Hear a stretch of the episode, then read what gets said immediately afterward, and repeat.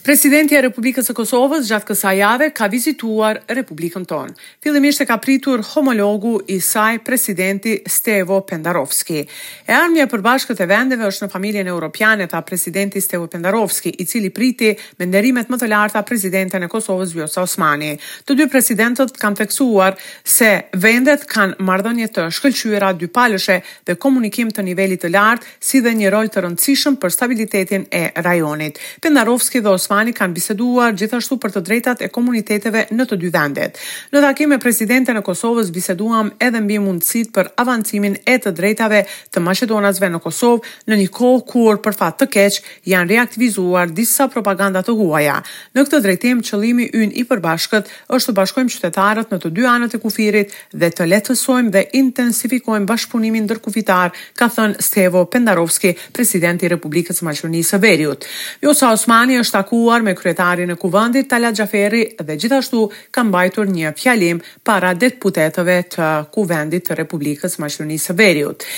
Me rastin e fjalimit të saj, ajo theks të veçantë ka vënë në njëzet përqindshin dhe në zyrtarizimin e plotë të gjuhës shqipe. Ndjekim deklaratën e saj. Padyshim se ruajtja dhe kultivimi i gjuhës shqipe është element shumë i rëndësishëm në zhvillimin e bashkëjetesës, ashtu siç është diverziteti dhe ruajtja e identiteteve e kulturave të ndryshme një vlerë e shtuar e shoqërive tona. Të prirur nga vizioni për mirëqenie të shtuar e me qëllim të kapërcimit të sfidave socio-ekonomike me të cilat po ballafaqohet i gjithë rajoni ynë, rritja e investimeve edhe në vendbanimet ku jetojnë shqiptarët dhe fuqizimi edhe më shumë i njësive të vetëqeverisjes lokale me kapacitete dhe financa shpresoj të shihet si prioritet. Në këtë mënyrë krijohen mundësi shtesë që qytetarëve t'u ofrohen shërbime sa më cilësore si dhe të garantohet përdorimi i gjuhës shqipe në të gjitha institucionet e vendit. Presidentja Vjosa Osmani ka takuar liderin Ali Ahmeti, kryetarët e partive, përfshirë atë të Gostivarit Arben Taravari dhe të Alternativës Afrim Gashi.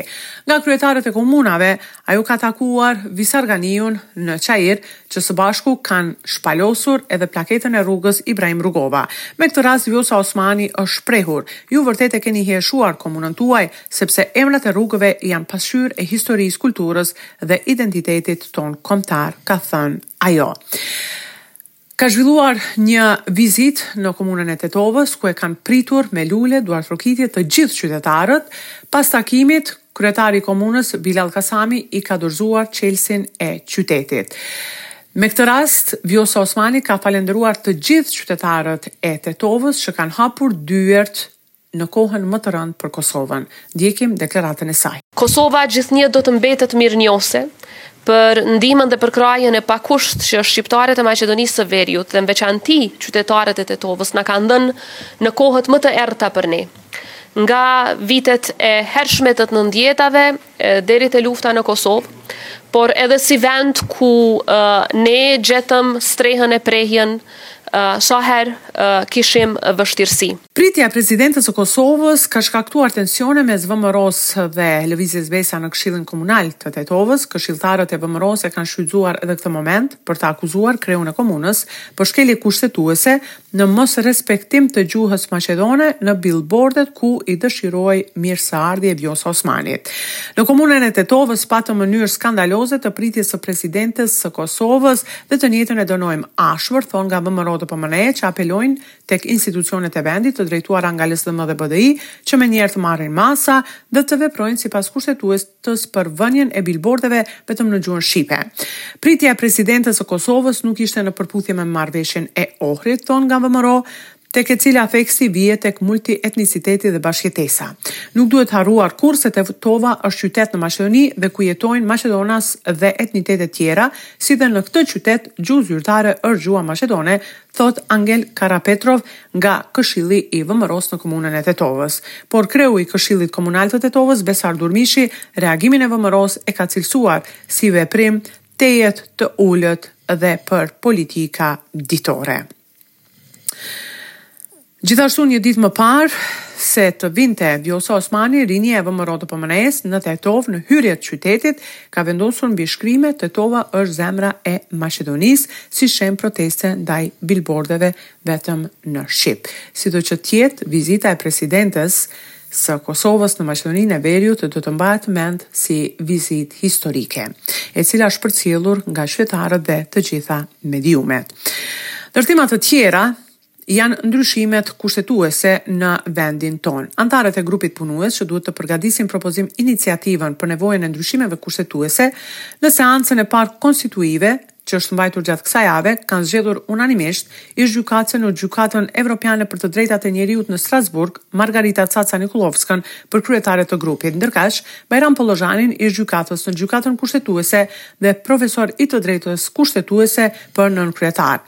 Edhe pse mbledhjet e këtij organi zhvillohen pas dyerve të mbyllura, autoritetet sigurojnë se do të jenë transparente. Kështu ka thënë kryeministri Dimitar Kovaçevski, i cili ka informuar se ministri i Drejtësisë do të informojë rregullisht rreth asaj se si funksionon grupi. punues. Për ndryshimet kushtetuese është shprehur edhe ministri i Punëve të Jashtme Bujar Osmani nga Brukseli. Ndjekim deklaratën e tij. Thank you so much, dear Mister. Para nesh është shans i papërsëritshëm për të përforcuar misionin e përbashkët drejt Bashkimit Evropian, tha në fjalimin e tij në Bruksel para anëtarëve të Komisionit për Punë të Jashtme të Parlamentit Evropian ministri i Jashtëm Bujar Osmani.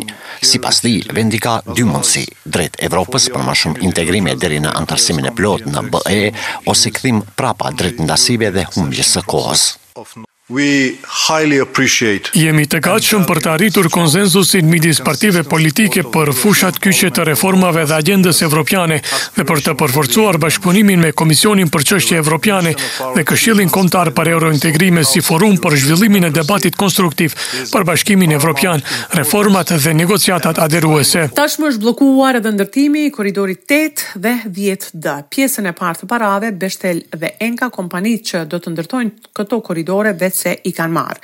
Letra e kryeministrit Dimitar Kovaçevski, ku pajtohet që marrëveshjet për ndërtimin e korridoreve t'u prezantohen deputetëve që posedojnë certifikatë sigurie, kanë mbërritur në Kuvend dhe koordinatorët e grupeve parlamentare tashmë janë njoftuar ka thënë kryeparlamentari Talat Xhaferi.